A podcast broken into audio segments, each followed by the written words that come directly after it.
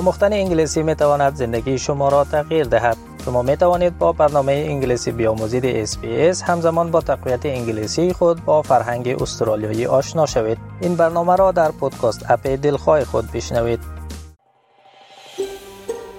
شما با program دری رادیوی SBS هستید. گزارشات عالی را در sbs.com.au دری پیدا کنید. یکی از پیچیده ترین نمونه های فرهنگ ملل اول یا بومیان استرالیا از طریق بافندگی نشان داده شده است. بافندگان اشیای زیبایی را ایجاد می کنند. این هنر اهمیت فرهنگی عمیقی دارد. بافندگی راه برای به اشتراک گذاشتن دانش، ارتباط با مردم و کشور و آگاهی در مورد فرهنگ مردمان بومی استرالیا را منعکس می سازد. اشیای بافته شده به اندازه خود بافندگان ملل اول که آنها را ایجاد می کنند متنوع هستند. هر اثر یک شی مهم است که پیام یک پیوند قابل مشاهده بین بافنده، کشور و اجداد آنها را نشان می دهد. هنر بافندگی با جمعوری و آماده سازی منابع طبیعی مانند تنابهای گیاهی، پوست درختان و گیاهان آغاز می شود. و برای ایجاد اشیای پیچیده مانند سبد، کاسه، تناب و تور ماهیگیری از آنها استفاده می شود.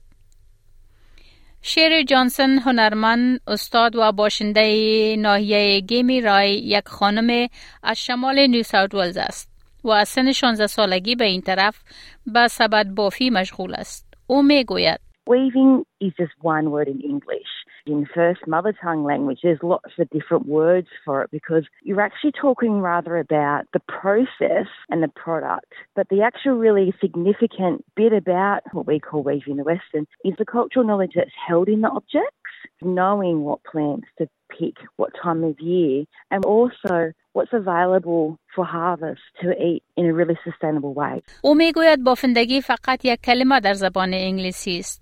در زبانهای مردمان بومی کلمات مختلفی برای آن وجود دارد. زیرا شما در واقع در مورد هنر و محصول صحبت می کنید. اما بخش واقعا مهم در مورد آنچه که ما بافندگی در غرب می نامیم دانش فرهنگی است که در اشیاء بافته شده منعکس می شود. دانستن اینکه چی گیاهایی را انتخاب کنید، چی زمانی از سال و مانند آن. بافندگی یک پروسه اجتماعی مردمان بومی استرالیا نیز است.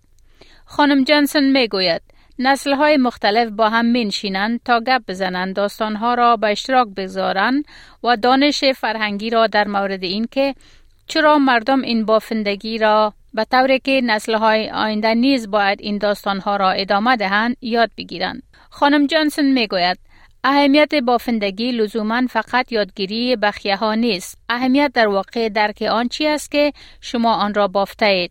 چرا این موارد قابل توجه بودند؟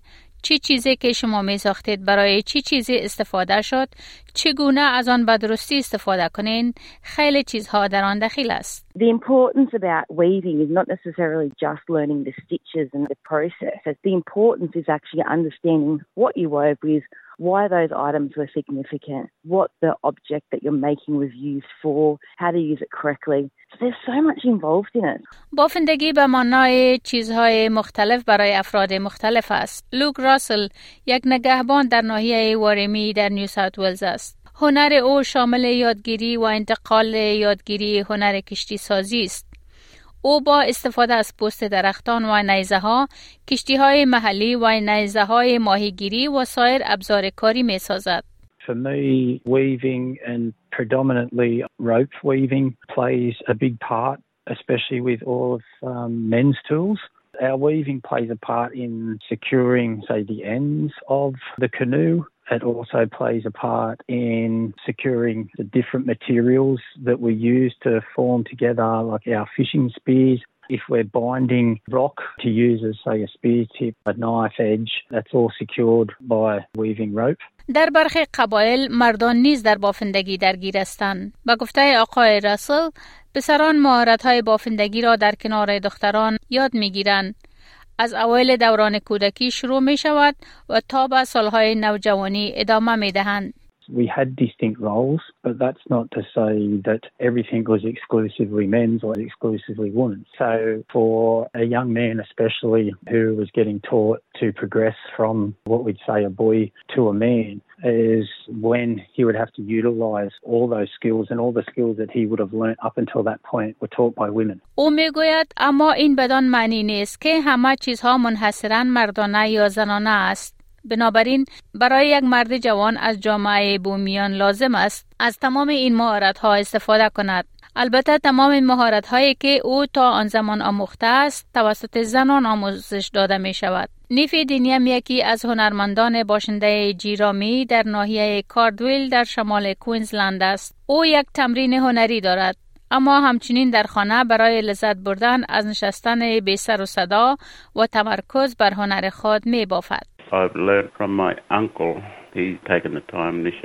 Had to make the uh, traditional lawyer cane baskets that we use up here in North Queensland. And it was from there that I've learned how to go out collecting, how to strip it into finer pieces, and also setting them out in the four different sizes in order to start constructing the basket weaving. برای نیفی بافندگی یک تمرکز فکری خوب است او میگوید این یک راه برای نمایان ساختن احساس او نیز است شری جانسون میگوید آگاهی ذهنی واقعی از انجام کار با قصد و ریختن افکار خود در آن به وجود می آید. That's how our community would process things.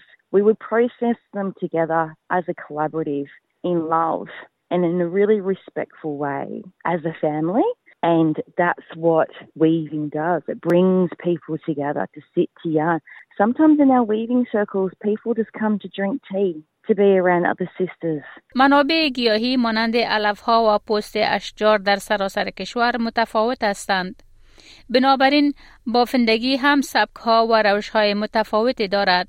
اما خانم جانسون می گوید بافندگان خود نیز استعداد و سبک و روش خود را به اشیای خود می آورند و از دانه های مختلف برای رنگامیزی استفاده می کنند. او می گوید در استرالیا ما رنگ دانه ها را از هر جا جمع می کنیم مانند گلها، پوست درختها، شیره های گلها، ریشه های نباتات همه چیز. خانم جانسون می گوید برای یک هنرمند هدفمند استفاده از رنگدانه ها برای رنگ اشیای بافته شده اش از منطقه خودش مهم است. Here in Australia, we collect pigment from country, as in flowers, bark, sap, roots, all sorts of things. So different areas, you would collect different pigment. And artists purposefully using the pigment to colour the woven fibre is really significant for that person and for that area. So typically, somebody with a trained eye can pick the region and sometimes even the artist based on the pigment, the style, and the stitch and the materials. ساختن یک شای بافته شده می تواند بینش در مورد خصوصیت ها و مهارت های بافنده ارائه کند. گاهی اوقات شما حتی می توانید هنرمند را با نگاه کردن به اساس بافندگی او شناسایی کنید. او همچنان افزود که احترام به جزئیات بسیار مهم است. در حالی که ما می توانیم آزادانه دانش خود را به اشتراک بگذاریم. مهم است که از آن برای منافع شخصی استفاده نکنیم. علاوه بر این ما باید به طور مداوم آموزش مربیان ملل اول ما را به رسمیت بشناسیم و تصدیق کنیم. کارگاه ها اغلب از طریق شوراهای محلی ترویج می شوند. کیسی لیتم می گوید شما می توانید جوامع بافندگی به رهبری اقوام اول و جشنواره های بافندگی را که برای همه باز است جستجو کنید. کیسی لیتم می گوید کارگاه های هنری مردمان بومی عموما از طریق شوراهای محلی ترویج می شوند. شما می توانید از هنرهای مردمان بومی از طریق جشنواره هایی که بروی همه باز است دیدن کنید. The importance of advertising that it is First Nations led is a main thing. And then having non Indigenous or basketry people coming in and, and working together, united, and learn from each other. And then with the workshops, I post on my Instagrams, and sometimes it's just word of mouth as well. اشیای بافته شده توسط جوامع بومیان در حال حاضر توجه همه را به خود جلب کرده است. نمایشگاه ها و فروشگاه های بزرگ و کوچک در سراسر استرالیا وجود دارد. و این هنرها در نمایشگاه ها به نمایش گذاشته می شوند. اما این بسیار مهم است که این نمایشگاه ها اهمیت فرهنگی مردمان اولیه استرالیا را منعکس بسازد. The mainstream with weaving is actually a visual insight into the past, which is now the present and all of us weavers are continuing for our future generations. So when people go into galleries, people do need to realise too that our weaving is Australia wide and everyone has a cultural significant story with the weaving or fibres of plants. It's not all the same. بپسندید، شریک سازید و نظر دهید. اسپیس دری را در فیسبوک تعقیب کنید.